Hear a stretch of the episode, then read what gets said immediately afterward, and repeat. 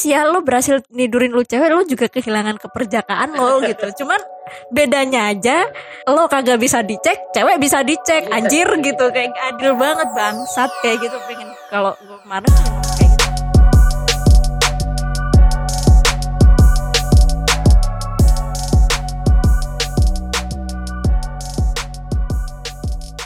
Selamat malam teman diskusi. Pada momen kali ini aku sama Erda bakal ngomongin hal-hal yang dianggap tabu tapi sebenarnya kalian semua pengen tahu dan jadi candu. Tapi buat dengerin podcast kali ini kalau bisa pakai headset dan dalam kondisi yang private banget ya enggak?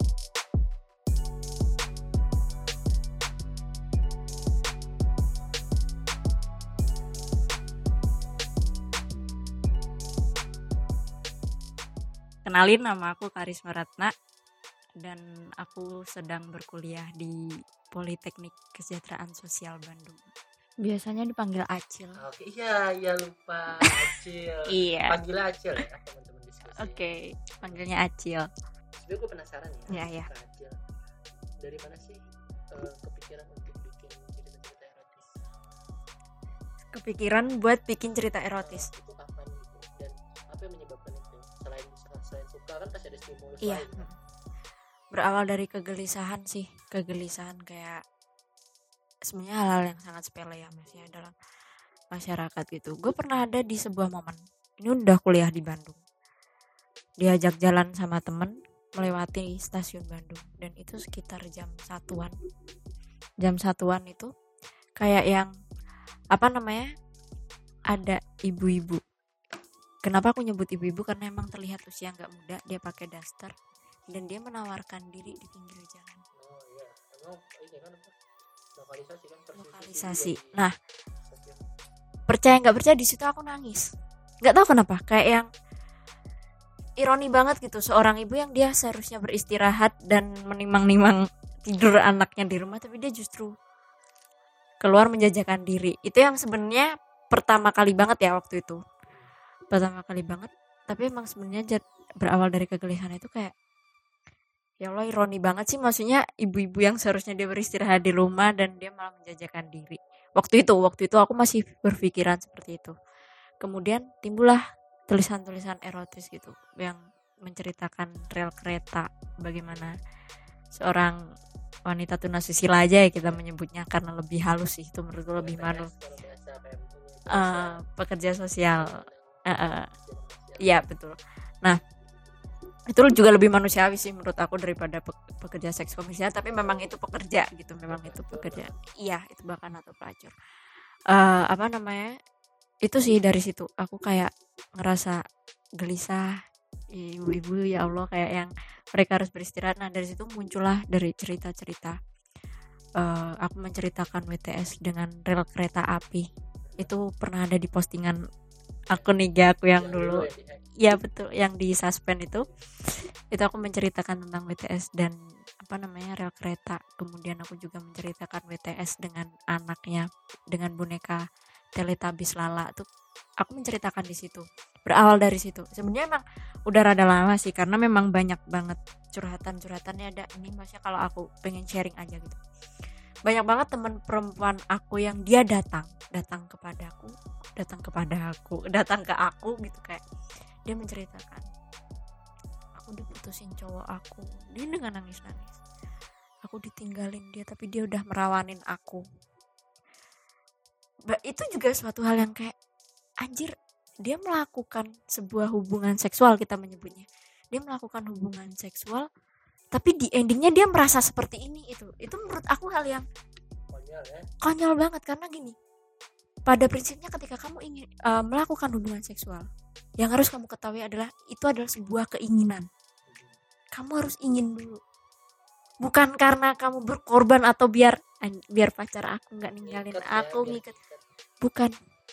Nggak kayak gitu. Nggak kayak gitu. Tapi ingin. Aku ingin melakukan hubungan seksual kayak gitu. Bukan karena lo berkorban oh, istilahnya ketika pamrih ya pada akhirnya. pamrih pada akhirnya. Tidak ingin ditinggalkan. Jadinya kecewa. jadinya kecewa. Beda lagi kalau kamu ingin. Ketika kamu ingin ditinggalkan oke. Ya udah. ini nggak apa-apa karena aku ingin. Jadi aku harus bisa menerima konsekuensi resiko dan lain-lain. Aku yakin ketika orang-orang eh, para teman-teman aku itu ketika dia bilang berkorban dan akhirnya kecewa di endingnya dia bukan karena ingin gitu. Dia juga aku yakin dia juga nggak akan memikirkan resikonya gitu. Jadi menurut nih nih buat teman-teman ya buat teman terserah sih kalian akan melakukan atau tidak. tapi ketika kalian mau berhubungan seksual didasari rasa ingin. Basic banget itu rasa ingin. Bukan karena rasa sekedar lo penasaran atau sekedar kalau se- sekedar penasaran boleh lah karena emang dari penasaran itu muncul keinginan gitu. Jadi nggak boleh lah gitu. Nggak apa-apa nggak apa-apa gitu. Kalau lo penasaran up to you lah. Tapi Resiko kalau di- ditanggung resiko ditanggung pemain jelas. Tapi yang jelas harus main safe lah main safe. Eh, tapi ketika lo pamrih ada pengorbanan biar cowok gua nggak ninggalin gua misalnya atau gimana atau bla bla bla bla masih ada banyaknya itu mending jangan dulu deh. Karena aku yakin mental kalian juga belum siap sebenarnya belum siap gitu. Karena nanti nggak ada lagi cowok yang mau sama aku gitu. Sesempit itu karena pikirannya karena dia sudah merasa aku ini kotor aku udah nggak perawan aku ini udah diperawanin cowok aku nggak pantas buat cowok lagi bla bla bla. Nah itu. Konstruk sosial yang dibangun nah. Itu. Keperawanan itu kan Heeh. kalau misalnya apa itu himen. Selaput darah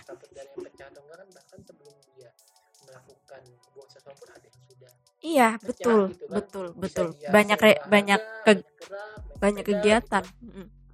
Jadi terus juga selain konstruk sosial dari tadi yang kamu ceritakan di sinetron sinetron dari cowok-cowok juga gitu sebenarnya ada memang kaum kaum kalian kaum kaum Iya. adam itu yang jahat gitu dalam artian membanggakan diri bahwasanya gue berhasil nidurin tuh cewek tuh ya please ya lo berhasil nidurin lu cewek lo juga kehilangan keperjakaan lo gitu. Cuman bedanya aja stigmanya beda. stigmanya beda.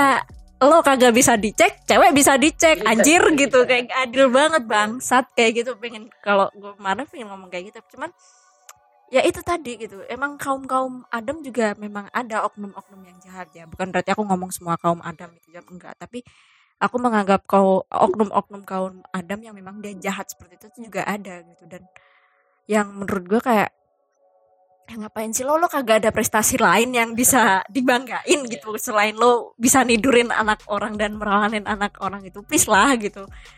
Banggain hal lain. Kayak misal gue anjir kumlot nih gue berhasil lulus 4 tahun atau gue setelah lulus nah itu nggak apa-apa. Maksudnya atau prestasi-prestasi lain yang emang dia punya gitu bukan lo nidurin anak orang terus lo banggain kayak gitu itu sih sebenarnya yang sejauh ini ada gitu gue kadang suka gini suka Gimana? suka berpikiran agak radix juga nih Oke, no problem kan kita ini Iya, sharing iya. kan dari awal udah ada disclaimer. Iya, Oke. pernah nggak sih perempuan itu atau mungkin cerita-cerita yang masuk ke akil Mm, mm, mm, mm.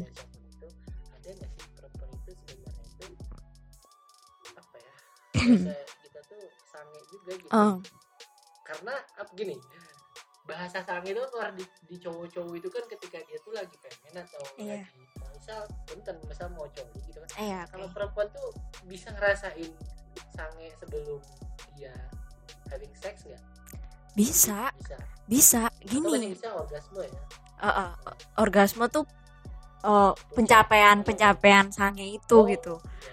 Atau ada yang lebih bahasa halusnya lagi namanya nidi. Nidi itu kayak sama kayak sange sebenarnya, tapi nidi gitu. Eh, kalau cowok kan co- coli atau mungkin kita sebut universalnya aja lah masturbasi gitu. Iya. Bisa, bisa gitu. Bahkan ya, Da, ini pendapat aku gitu.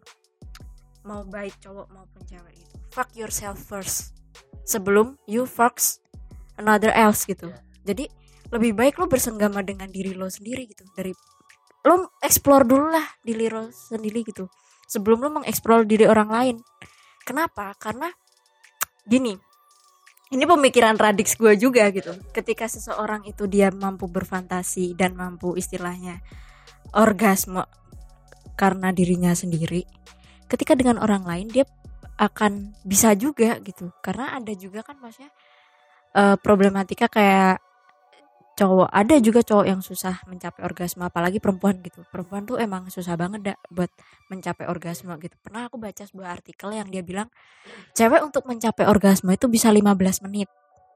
15 menit atau bahkan lebih gitu. Tergantung pinter-pinternya si cowok. Nah itu yang maksud aku yang bagaimana pentingnya kita untuk mengeksplor diri sendiri gitu.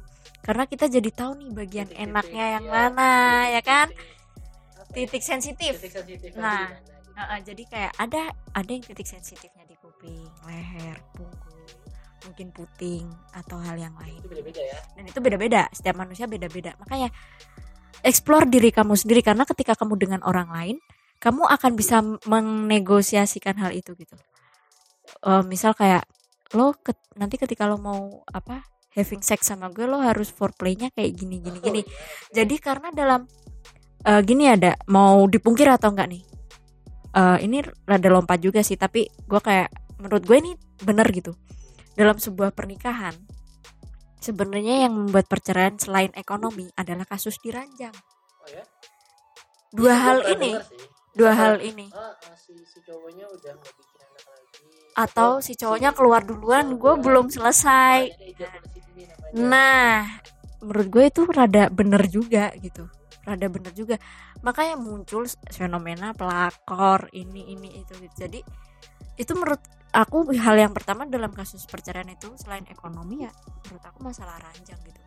Mau nggak mau kenapa? Karena seksuality itu kebutuhan biologis loh gitu. Apalagi kalau lo udah halal gitu, lo terserah mau kapan aja gitu kan. Maksudnya Ayo, ayo lo nggak kalau udah siap aja Iya. jangan segerakan maksudnya kayak gitu gitu lo ketika lo udah halal kebutuhan biologis lo perlu dipenuhin ya lo bisa kapan aja ketika lo nggak lihai dalam hal itu juga jadi kayak and si bisa atau suami atau istrinya kayak ilfeel sendiri gitu. Makanya fuck yourself first, first gitu. Baru lo fuck fuck another people gitu another else. Heeh. benar-benar jangan jangan malu sih istilahnya dalam artian lo berada di kamar lo sendiri nih misal.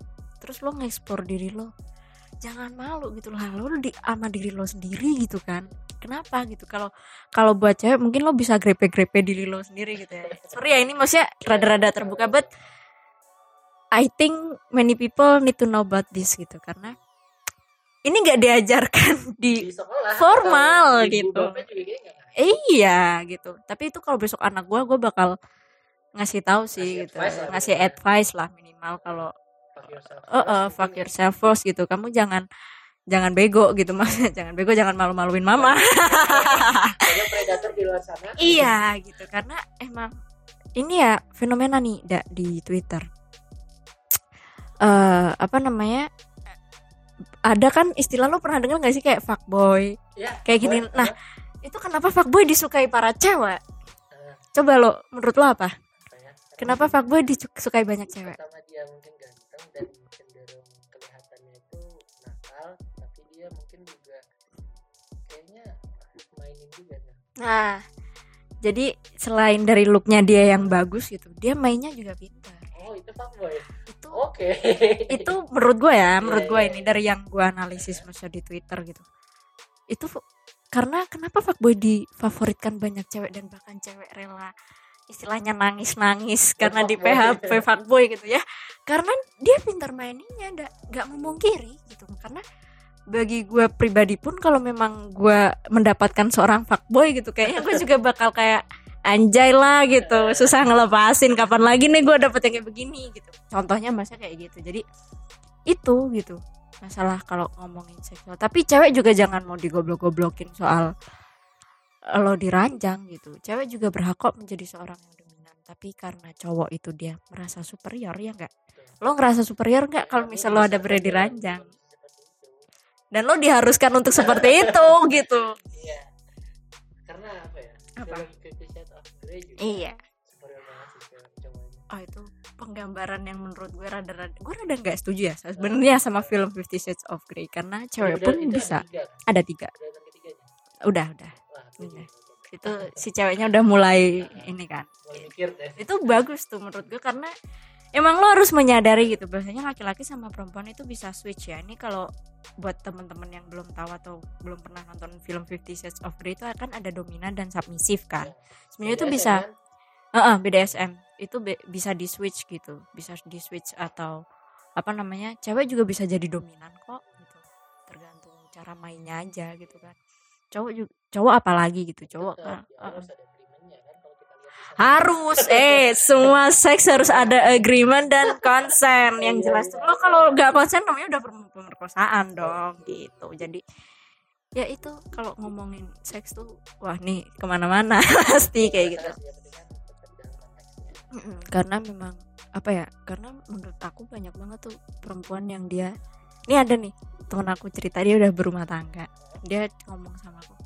Gue setuju sih sama yang lo omongin gitu bahwasanya seks itu harus keduanya saling bertanggung jawab dan mengkomunikasikan. Itu penting. Lo maunya gimana do and dan do, do and do not gitu yang harus lo lakuin ketika lo berhubungan seksual tuh apa itu penting. Karena dia cerita gue punya teman. Tapi ketika gue ketika gue nanya nih lo berhubungan seksual sama suami lo gimana? Biasa lah ya mak mak kalau udah berumah tangga ya ngobrolannya kayak gitu juga kan menurut gue wajar aja gitu karena terus dia ngomong masa dia ngomong cuma diem aja? Diem aja kayak guling. Terus suaminya terus pas gue cerita bagaimana gue berhubungan seksual gue dianggap agresif gitu. Itu bukan agresif ya maksudnya lo mengartikan agresif tuh gimana sih kalau kalau lo? Gue ya? Ha-ha. apa ya? Karena karena mungkin ini private banget sebenarnya. Cuma kalau mm-mm. memahami agresif itu pertama mungkin ya mungkin ceweknya nakal yang kedua ceweknya Oke. dan apa ya minta tambah ataupun mungkin mungkin bisa aja dianya dianya yang banyak melakukan praktek-praktek lain Mungkin praktek ya. iya iya nggak apa-apa ya kan karena nggak apa-apa gue minta pendapat Iya. aja karena kalau bagi gue tuh agresif tuh melakukan hal yang berlebihan kalau gue berlebihan dalam artian agresif itu tidak dengan persetujuan pihak satunya kalau gue oh, kayak gitu melakukan kekerasan tuh. Menurut gue suatu tindak yang agresif itu kalau menurut gue. Tapi yang lo definisiin tadi gue lebih setuju itu kedominan. Dominan. perempuan yang dominan gitu.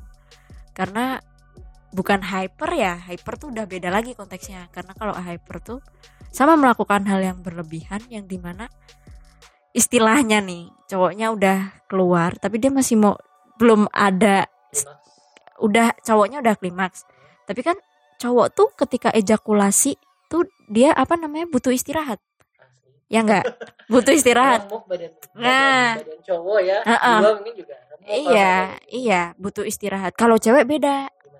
Kalau cewek ketika dia udah orgasme, dia masih bisa orgasme untuk selanjutnya. Justru akan memberikan tenaga ke cewek, ngerti nggak? Jadi makanya gue bilang ketika lo bisa bikin cewek orgasme, lo adalah, maksudnya lo bakal mendapatkan sebuah hal yang lebih gitu. Bahkan yang lo nggak nyangka out of the box itu terbukti banget. Buat teman-teman yang mungkin nanti aktif seksual bisalah Nanti Komen ya ketika- eh, eh, komen lah ketika podcast ini Oke. upload maksudnya menurut gue sih karena ini bener gitu karena ya itu tadi eh, ketika kalau cowok orgasme tuh butuh istirahat kan tapi kalau cewek yang hyper dia nggak peduli untuk mengistirahatkan cowok itu gitu. Iya remuk. Ya Ah, ah, gimana? Makanya ada obat kuat itu buat cowok bukan buat cewek pada pada dasarnya Iya. lo, ba- lo bayangin aja ya cewek tuh bisa dalam satu kali hubungan seksual tuh bisa berkali-kali dalam orgasme. Heeh, maksudnya dia satu ronde aja bisa orgasme berkali-kali gitu. Cowok satu ronde sekali orgasme bentar dulu kayak gitu kan. Selamat perempuan kamu tuh sebenarnya punya sesuatu hal benar. janganlah kalian tuh jangan diem aja. Gue bakal nggak setuju banget kalau kalian tuh diem aja dalam urusan hubungan seksual atau diranjang gitu lah istilahnya. Gitu. terserah lah lo mau udah nikah atau belum tapi lebih alangkah lebih baiknya udah nikah dulu lah udah nikah dulu lah lebih baiknya gitu karena emang ya lo explore diri lo sendiri lah gitu kayak gitu itu sih menarik ya sebenarnya ngomong kayak gini nih dan Mm-mm. terdapat di mana-mana gitu nah ya ini hal yang basic banget basic banget Hmm, selain apa ya, sex education ya Mm-mm. mungkin ya Mm-mm. nah ini gue tanya lagi nih ngomong Gimana? Boleh. gimana nih Apa? katanya Indonesia belum sex education Uh-uh. Kira-kira seperti apa sex education yang juga bias. Iya benar banget. Menurut lo gimana tuh sex education? Ah sex education tuh terbagi banyak ya. Lo mau soal kesehatan reproduksi terus pare parenting kepada anak bagaimana biar anak gak terkena pelecehan seksual atau bahkan bagaimana lo di atas ranjang pun juga bisa menjadi sex education. Bahkan dokter Boyke dengan buka-bukaan dia membahas hal itu gitu. Kalau lo cek dokter Boyke di YouTube tuh dia banyak banget sebenarnya ngomongin mengenai uh, bagaimana sih ketika malam pertama tuh harus seperti apa? Terus nanti ketikanya lo pengen punya anak lo harus berhubungan seksual berapa kali? Posisi yang apa yang memang istilahnya tepat dan aktual gitu. Banyak banget karena Indonesia perlu biar ya ya lo tahu kan di Indonesia tuh banyak yang tiba-tiba istilahnya maksudnya anak-anak kecil ya. Gue gue menyebut anak kecil tuh yang berarti di bawah 18 tahun yang dia MBA married by accident. Kalau lo usia udah gede terserah lah gitu karena secara biologis lo udah siap kalau udah gede gitu. Tapi kalau lo di bawah umur bayangin lo umur anak 15 tahun. 16 belum siap. Bahkan dia bisa menyebabkan maksudnya resiko tertingginya adalah kematian atau resiko keduanya anak lo cacat atau bahkan lahir dengan nggak normal gitu. Nah itu perlu banget sex education gitu. Bahasanya gim mereka aja ya nih gue pernah nemuin mereka nggak tahu apa itu alat kontrasepsi. Sal kondom kayak apa pun tisu magic pun termasuk alat kontrasepsi gitu kan. Uh, karena bagi karena karena nih karena guru di guru-guru di sektor formal ya di sektor formal. Guru yang kayak guru biologi. Guru biologi lo terang-terangan gak ngejelasin tentang reproduksi? Lo paling dijelasin kayak ini di dalam vagina terdapat ini ya penis terdapat epididymis bla bla gitu. Tapi tidak menjelaskan bagaimana lo buat menjaga kebersihan itu. Bagaimana? Ya emang bukan sih emang bukan tugasnya dia. Tapi di sela-sela bab reproduksi itu lo jelasin lah gitu. Bahwasanya ini dipergunakan apa namanya vagina dan penis bertemu itu bisa uh, antara sperma dan ovum bisa membuahkan bayi gitu. Dan lo akan siap ini ketika usia lo berada di 20 plus gitu 20 ke atas gitu. Tapi di saat lo masih kecil ya please lah gitu. Itu perlu karena di Indonesia kan masih banyak banget tuh yang kayak gitu ya enggak atau lo pernah menemukan fenomena mungkin teman-teman kamu atau memang berat yang ada di lingkungan kamu mengalami MBA gitu? Sih gimana mm -hmm. itu kenapa sekarang menjadi suatu hal yang menjadi ujian mm -hmm. karena kalau kita lihat generasi ya generasi milenial itu yang hidup dan lahir mungkin di tahun 70-an sampai mm -hmm. 2000 ya. Itu kan dia masih dalam suatu kondisi masyarakat yang masih mungkin menjunjung tinggi nilai budaya. Betul. Nah sekarang adik-adik kita lahiran tahun 2000 ke atas generasi mungkin generasi Z iya. kalau milenial itu bahkan generasi Alpha pasca Z itu sekarang orang tua mereka sibuk semua. Oke. Okay. dan masyarakat cenderung sudah urban hmm. ya, dan hmm. saling individualis mungkin jadi kenapa sex education aja ada harus ada karena memang orang tua mungkin nggak apa ya nggak ada waktu untuk memberikan value value betul lagi, betul seperti betul ibu-ibu kita dulu ketika di kampung ya kan mm -hmm. nah kamu kalau ke kota hati-hati kan masih kayak gitu kan iya yeah. nah cuma di satu sisi ya kenapa konservatif itu juga perlu di satu sisi mm -hmm. karena memang value nya sebenarnya yang kita ambil iya benar bukan bukan secara ngat atau apa ya secara kaku gitu oke. okay. -hmm. kayak misalnya pamali jangan makan eh, jangan dudukin bantal ntar kamu disulam. Uh, uh. sebenarnya kan karena bantal buat kepala iya bukan buat didudukin. gitu. terus jangan bawa payung ke dalam rumah mm karena ada orang meninggal. Ya kan? Ya kan pak? mungkin juga kan? Ada ada atapnya kan ada di rumah. dan ganggu orang bos dalam rumah gitu jangan makan sambil apa rebahan gitu, uh -uh. kan, terus jangan jangan lu berdiri di depan pintu. Duduk di depan pintu atau duduk di pintu uh. Mm -mm. pada dasarnya kan duduk di depan pintu ngalangin orang kan? Iya ngalangin ya, orang jalan uh -uh, sebenarnya. Iya karena kita di doktrinya Betul, beda, beda. Gitu bagi gue tadi kenapa sex education itu menjadi satu hal yang ujian karena memang generasi ada di kita dan kita bahkan ya itu kekurangan waktu untuk betul. orang tua yang sifatnya banget gitu. Kapan sih mm -mm. Orang, orang tua orang tua sekarang sambil nyusuin anak sambil main HP gitu. orang tua sekarang bahkan Iya. dititipin ke daycare gitu. bahkan biar anaknya diem dikasih HP dikasih HP gitu. Uh-uh. makanya gitu diedukasi itu orang tuanya dulu iya gitu adik aku kelahiran 2002 Eh, adik angkat aku ya aku punya orang tua angkat orang tua angkat aku satunya guru satunya emang masih P, masih PNS di sebuah dinas gitu kan dua-duanya sibuk dia nanyanya ke aku gitu ya aku nggak ada masalah justru kalau ketika dia nanya ke aku aku malah lebih seneng gitu daripada dia salah arah gitu kan gitu Mm-mm. Jadi dia kayak yang sekarang ketika dia aku merasakan banget adik aku kan sekarang kelas 2 SMA nih. Aku merasakan banget dia mulai kayak banyak toleran dan dia mulai kritis gitu dengan hal-hal yang cewek, cewek. Dan dia bacaannya juga sama kayak aku dengan hal-hal yang erotis gitu. Jadi kayak oke lah ketika kita ketemu dan kita ngobrol juga kayak kita saling ngerti gitu masnya. Dan dia menurut aku bagus juga gitu. Aku bilang kamu kalau ada apa-apa mending nanya ke aku gitu daripada kamu harus nanya ke teman kamu yang memang up temen dia setara dalam artian bukan berarti anak umur segitu ilmunya masih belum ini enggak takutnya salah jawaban gitu salah penjelasan gitu jadi ya itu emang orang tua dua-dua sibuk pulang jam 4 sore habis itu istirahat juga gitu kecapean. Jadi ya mau nggak mau gitu kan. Apalagi orang tuanya orang tua angkat aku juga masih yang berada dalam lingkup orang dulu lah disebutnya orang dulu kayak gitu. Iya konservatif gitu. Kayak gitu sih. Jadi sex education memang urgent. Tolong pemerintah.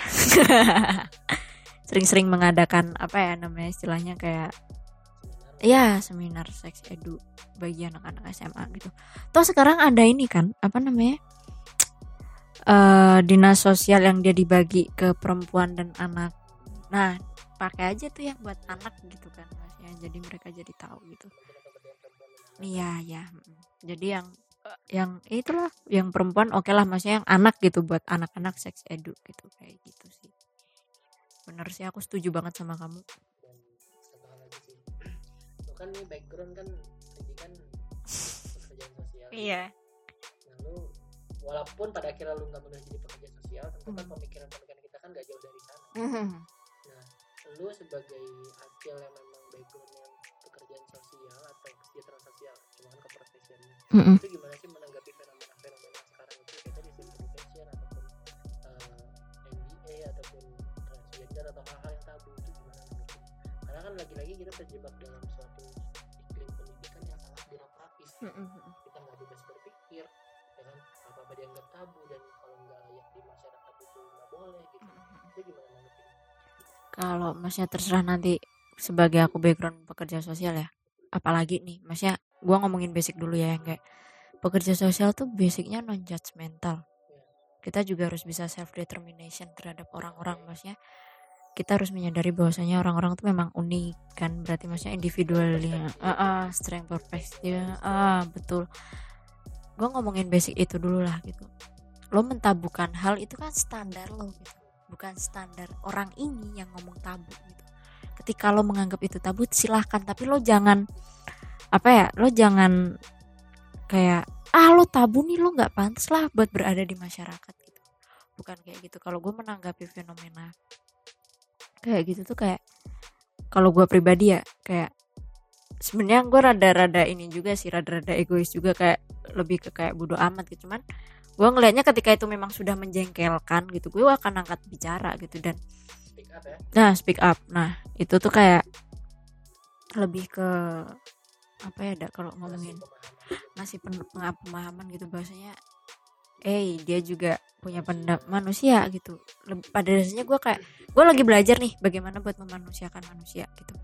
Karena itu hal yang penting banget untuk melihat bagaimana keadaan sekarang ini gitu. Karena emang banyak banget orang yang gampang banget ngasih ngasih stigma ke orang gitu. Kayak cewek ngerokok adalah cewek yang nakal. Cewek yang anjir lah gampangan nih bisa dipakai. Pernah denger nggak kayak gitu kan lah sangkut pautnya apa gitu benar ya gue sedikit sharing juga nih gue kan Mm-mm. orang asli sini kan ya. oke dan gue tuh di Banjarbaru di Kalimantan Mm-mm, Selatan mm-mm. di mana mungkin uh, masih agak konservatif dan value about, about religion itu masih ada gitu oke ketika gue ke sini tuh kaget gitu kok cewek-cewek Bandung banyak yang ngerokok ya? dan bahkan ibu-ibu sekalipun nenek-nenek Hmm. kenapa ya oh, ternyata setelah gue lihat ya gue dalami sedikit walaupun dangkal itu karena memang mereka punya sejarah gitu. Mhm. sampai masih ngerokok tuh artinya dia punya sejarah. Mhm. kenapa sampai terkonsumsi di masyarakat? Maksudnya perempuan ngerokok biasa aja. Kalau di Bandung ya menurut gue biasa aja. Mhm. karena banyak yang hijab pakai hijab. Cuma iya dan temen bagi gue tuh that's fine gitu kalau lu ada di dalam satu society yang kayak gitu. Mhm. nah ini menarik. Gue tadi lihat di di IG ya Hmm. tentang bagaimana sesuatu pihak itu mencuci otak suatu society. Iya. Jadi gini ada riset. Jadi saat, sa- beberapa ilmuwan itu bikin riset. Jadi di dalam kandang itu ada ditaruh lima monyet. Oke. Nah monyetnya itu belum saling kenal. Mhm. ditaruh di sana dan dikasih tangga di mana di atas tangga itu ada Mhm. pisang. Oke. Naluriah seorang monyet adalah ngambil pisang itu kan? Betul. Mungkin si monyet-monyet itu mungkin berdiskusi ya ngambil monyet itu. Eh ngambil pisang itu. Mm-mm. satu-satu kan nggak Mm-mm, mungkin kan? mm-mm. dan ketika salah satu monyet ngambil pisang itu maka si si ilmuannya itu peneliti itu akan mengguyurkan air dingin oke Oke, oke. parah ke dalam pisang gitu oke para monyet frustasi gitu. dan itu diula- dilakukan berulang-ulang sehingga kalau kita pakai teori apa belajar ya Mhm. teori kognitif ya oke oke yang dia tuh teori kognitif dan kemudian hewan itu belajar gitu kan monyet itu ketika ada sesok, salah satu monyet lain yang mau ngambil pisang dia akan digebukin Mhm. karena society nggak nggak mau kedinginan lagi gitu Mm-mm. nggak apa kita nggak makan pisang itu dan kita kedinginan gitu kan. Dan itu dilakukan berulang-ulang sampai dibikin lagi eh, di fase selanjutnya salah satu monyet itu di, dikeluarin. Dan ditaruh monyet yang baru tetap lima monyet kan. Dan ketika monyet baru itu mau ngambil pisang itu Oke. digebukin lagi tuh oke. Terus orang yang gebukin itu dikeluarin lagi. Tuh. jadi artinya kan ada dua monyet baru. Oke oke dan ketika ada salah satu monyet yang mau ngambil lagi Mhm. monyet monyet baru itu malah ngegebukin monyet yang mau ngambil itu padahal dia nggak tahu Mm-mm. apa apa Mhm. dan Oh, berulang-ulang oke. sampai monyetnya itu kelimanya itu diganti Mhm. dan pada akhirnya siapa pun yang mau ngambil pisang bakal digebukin monyet lain oke padahal airnya itu nggak nggak nggak diturunin lagi gitu Mhm. artinya kan konstruk sosial itu benar-benar bisa Mendoktrin. Iya, betul. kita nggak tahu apa dampaknya gitu betul seorang monyet loh Iya iya monyet Yang istilahnya he- baru, yang nggak tahu. Yang nggak tahu ini kenapa kita ngegebukin orang Mhm. ya kan? Tiba-tiba ikut kalau aja. ikut aja. Ah, terus seorang ilmu itu bilang bahwasanya ya begitulah society bekerja. Oh, ketika lu bener. di dalam satu wilayah normal kayak gitu Mm-mm. akan menjawab ketika ditanya kenapa lu kenapa lu ngelakuin ngelakuin itu? Ya, karena orang-orang pada begitu. Ya di mana bumi dipijak. Dijunjung Ah. dan di situlah cuci otak terbangun konsep sosial terbangun. Iya dan itu riset yang keren sih itu menurut aku kan karena kan hewan da- sepakat iya sama hewan yang maksudnya yang katanya tidak diberikan akal maksudnya kita manusia yang diberikan akal gitu dia bisa berpikir kayak gitu gitu dan iya memang konstruk sosial yang bagaimana berarti seragam kan seragam gitu. Kalau misalnya bahkan monyet baru pun yang ngambil tuh monyet monyet baru yang lain tapi Mm-mm. dia baru juga dia nggak gebukin itu. Oke. Ditanya kenapa? Ya karena melakukan kayak gitu Iya. dia nggak tahu padahal ada air dingin banget turun dia nggak Mm-mm. tahu iya iya nah benar. gitu kan cara kita memaknai suatu mitos konsep sosial kayak gitu betul kayak gitu dan konstruk sosial itu sangat bagi aku sangat menyakitkan ya maksudnya ketika konstruk sosial itu eh, terlalu memojokkan salah satu pihak itu bagi aku sebuah konstruk sosial yang menyakitkan tapi ketika memang konstruk sosial itu yang baik aku bakal mengiyakan gitu. Karena kayak contoh cewek merokok tuh kenapa sih gitu? Cewek merokok mah ya udah merokok gitu. Dia bukan karena juga. iya dia bukan karena nakal gitu. Iya itu. Dan kayak gue juga pernah denger nih maksudnya pernah terjadi di salah satu temen aku di Instagram gitu.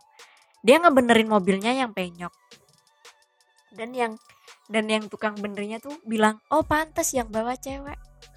Ya emang kenapa emang cowok kagak bisa bikin penyok mobil gitu kan kayak itu maksudnya contoh kecil yang keseharian di masyarakat berarti masyarakat mengaminkan konstruk sosial itu gitu jadi. Iya dan kita pun nggak sadar sebenarnya gitu. Dan Ninda, gue mau nanya nih gantian gue nanya ke Ya, lo. boleh, boleh. Eh, lo pernah baca nggak sih maksudnya dari caption caption gue gitu? Apa yang lo dapetin menurut lo? Menurut lo? menurut gua gua, gua Terserah yang mana aja dah. jadi ya ngasih feedback ya Ah, ya. yang nanggepin. Oke.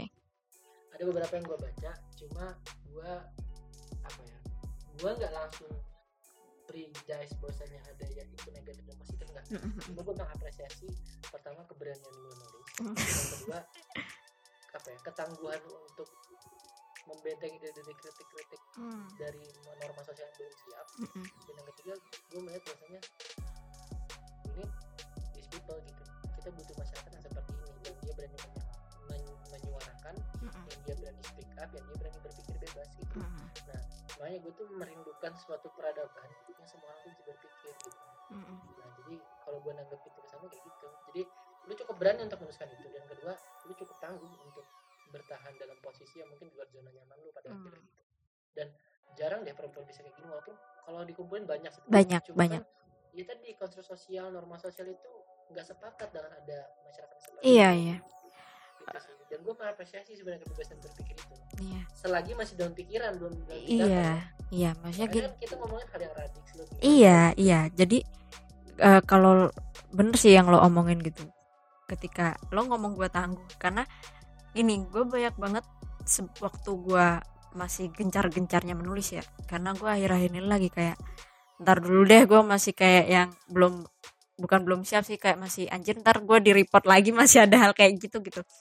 Eh apa namanya ketika gue menulis tuh banyak banget tanggapan dari cowok-cowok da, dari kaum Adam oknum-oknum kaum Adam. Kenapa gue nyebutnya kok oknum-oknum kaum Adam gitu? Karena ini dia kayak gini nih dia menganggap gue cewek yang bisa dipakai. Lo bayangin lo. Gue seorang seorang diri gitu dan banyak banget cowok yang kayak gitu. Gue pernah dapet maaf ya ini kayak foto penis tiba-tiba dia ngirimin ke gue lah ini orang kenapa? Gitu kan. Dan gue bahkan mungkin lo kayaknya pernah tahu juga gue ini cukup gencar di STKS ternyata dan gue baru tahu gitu. Bahwasanya dulu ketika gue dilecehkan sama orang melalui online dengan gue ditawarin 5 juta buat kiss dan grepe gitu. Anjir goblok banget tuh orang sebel gue ternyata itu cukup hype di STKS karena gue nggak tahu gue nggak tahu. Karena emang gue tipikal orang yang bukan orang yang soliter ya maksudnya gue bukan orang yang terus menerus bisa berkelompok gitu. Karena kan ah itu. Nah gue bukan ti- maksudnya gue bukan gue nggak tahu karena bukan karena gue bukan orang soliter gitu maksudnya. Gue orang yang maksudnya oke lah indep- independen lah sendiri gitu karena Karena oh. Karena itu berjalan di jalanan sunyi. Oh. Nah itu kayak karena gue kayak ngerasa kalau gue berkelompok tuh kayak mereka terlalu seragam gitu maksudnya kalau gue ngelihat dari fenomena-fenomena yang ada kayak ya udah kumpul cewek ngo- ngomongin itu kumpul cewek ngomongin itu gitu kan jadi pas gue kayak gitu kayak ternyata itu cukup fenomenal di STKS ternyata gitu gue mendapat tanggapan kayak gitu dulu waktu di awal gitu. Pas gue ke sini sini kayak gue semakin terbiasa kali ya. Jadi kayak ya udahlah gitu. Terus ketika gue menuliskan itu dulu emang pertama banget dah gue kayak ngerasa kayak anjir ini gue upload gak ya?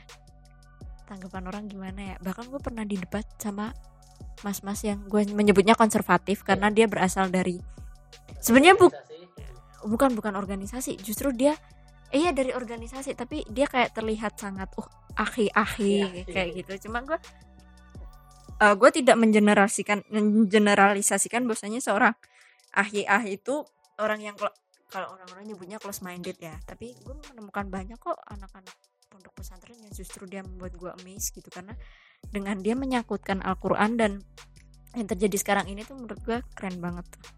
Keren banget. Dan gue pernah berdebat sama sebenarnya gue gak kagak mau debat cuma gue penasaran aja nih orang kenapa DM gue gitu. Dia bilang barang siapa yang menyebarkan hal-hal negatif maka gitu maka akan pokoknya dia intinya maka akan istilahnya terjerumus ke neraka lah ngomongnya kayak gitu ya. Gue nanya gue nge-share apa? gitu. Lo baca lo ngerti nggak gitu apa yang gue tulis? gitu. Itu tuh bukan mengenai hal yang tabu itu bukan hal yang pornografi justru gue bilang ke lo terserah maksudnya gue selalu membebaskan orang-orang berpikir mengenai tulisan aku ya. Aku tidak menjerumuskan ini tentang seks ini ini. Tapi bagi gue ketika gue menuliskan itu gue memberita bukan memberitahu sih gue kayak kayak ini loh seks yang sebenarnya bertanggung jawab gitu. Gue juga sering ngomongin LGBT di situ. Karena bagi gue gue bukan bukan pro bukan berarti gue pro sepenuhnya ya enggak gitu gue kayak cuman per- perlakukan perlakukanlah mereka seperti manusia gitu. Mereka juga manusia gitu. Ah. Tidak berpikir secara bebas apalagi soal seks.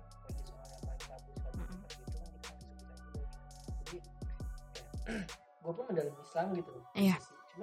Sisi- juga gue gue nggak pengen menunjukkan diri gue sebagai orang Islam banget gitu bagi gue Islam itu kan value pak Hmm, bukan hanya sekedar ritus yang lama kan gitu. betul karena gue khawatir ketika gue terjebak dalam hasil kata ritus gue nggak bisa eksplor nih gitu Mm-mm. ya. terbatas hanya di situ saja gitu dan, dan apa pun yang lo jalani itu kan pilihan gitu. Mm-mm, mm-mm.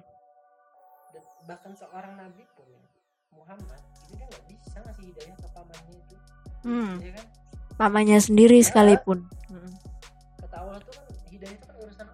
Iya. ya lu tinggal negor kalau memang ada sesuatu yang bagi lu masih ada normal gitu. Itu nggak bisa memaksa orang bro. Gitu aja panjang ya? Panjang panjang banget. kita mengenai dari erotis. oke dari erotis dan lain-lainnya gitu. Ya, mungkin apa ya terakhir mungkin. Oke boleh. Eh, mungkin pesan-pesan dulu nih Mm-mm. pesan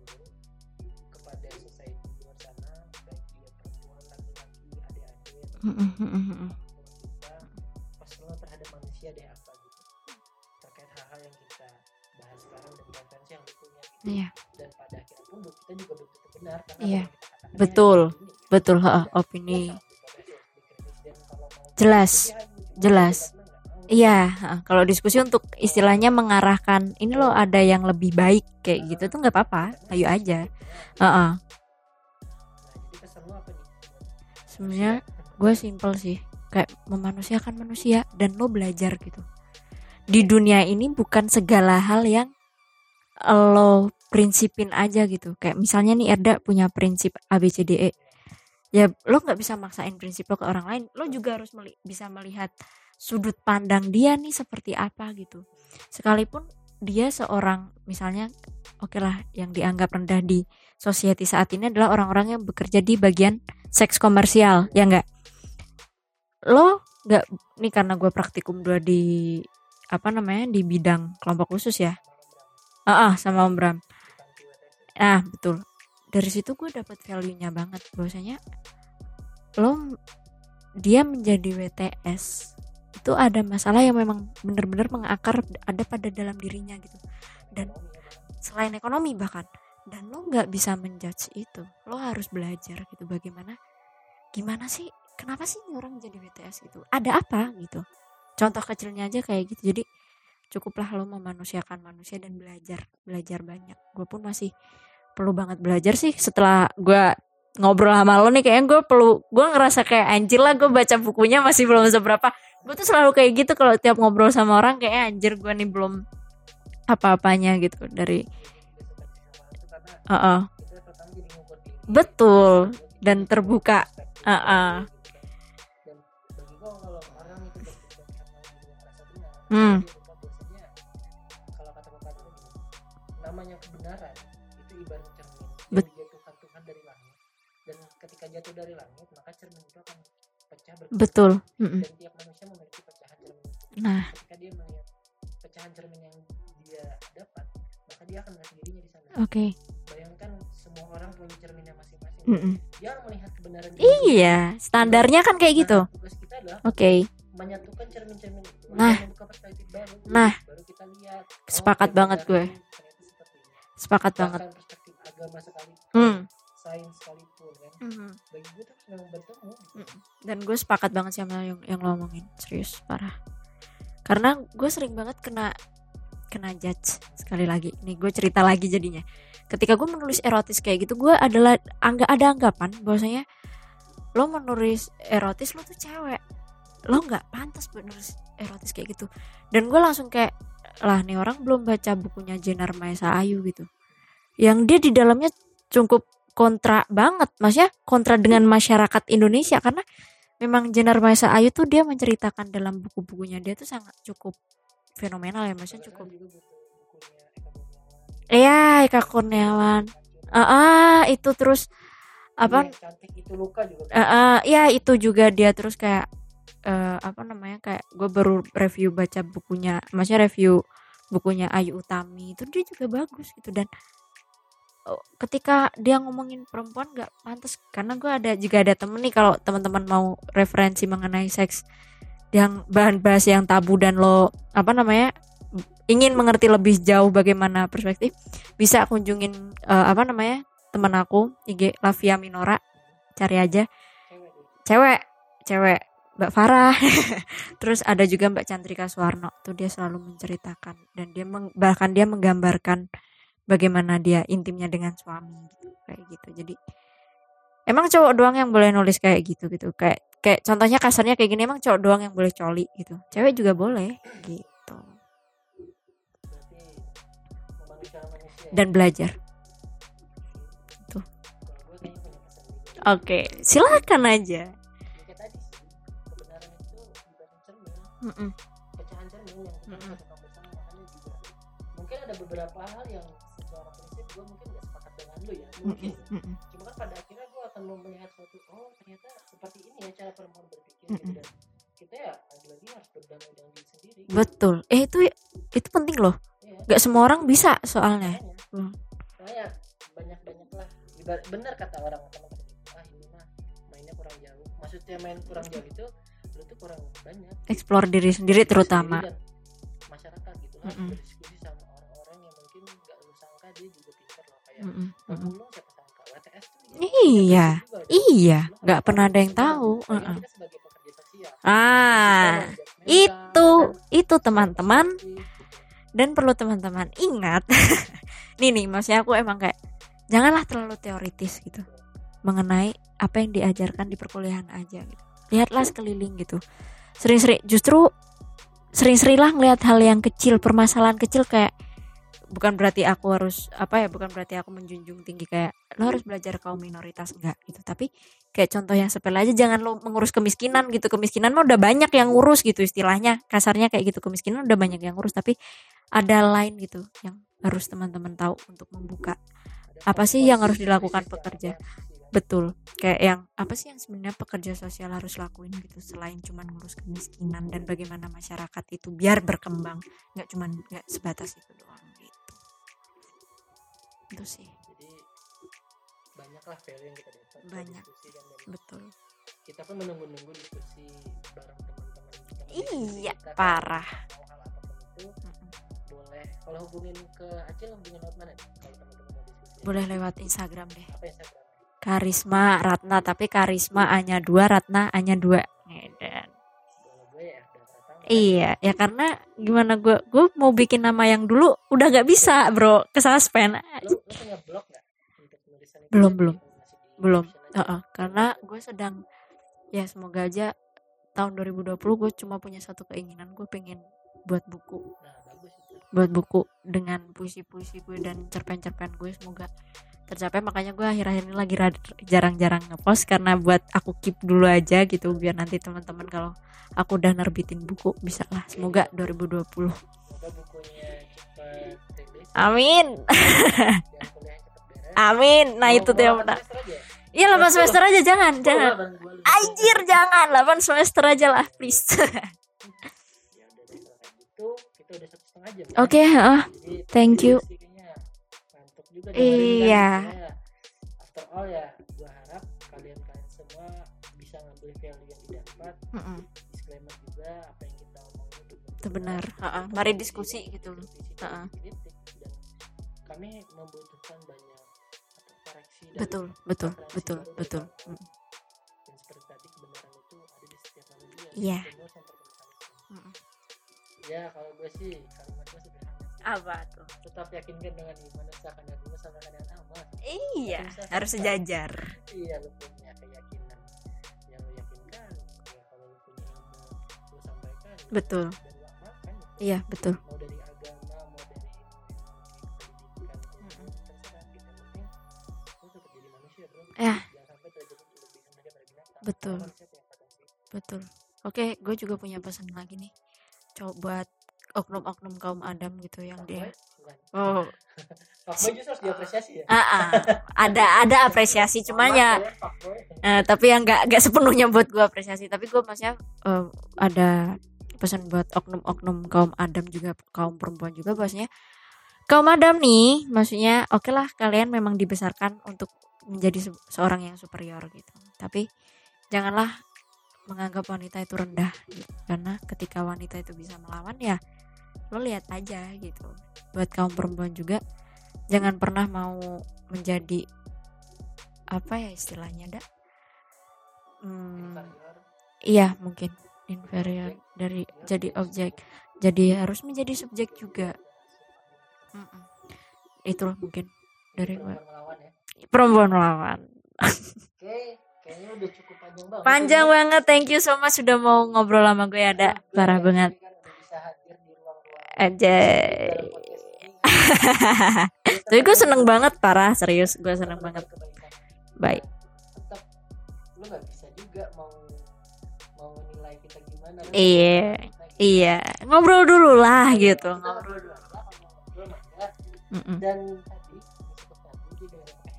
Iya. orang tua. betul Jangan sekali. speaker ya. iya jangan pakai speaker. Lu salah ntar di bluetoothin ke speaker mampus oke happy new year ya. Happy new year happy new year. Heeh. evaluasi. Ya evaluasi. Wajib wajib wajib. Ba oh itu res- resolusi harus ditulis. Ya. thank you. Iya betul. Semoga kita bisa ketemu lagi waalaikumsalam warahmatullahi wabarakatuh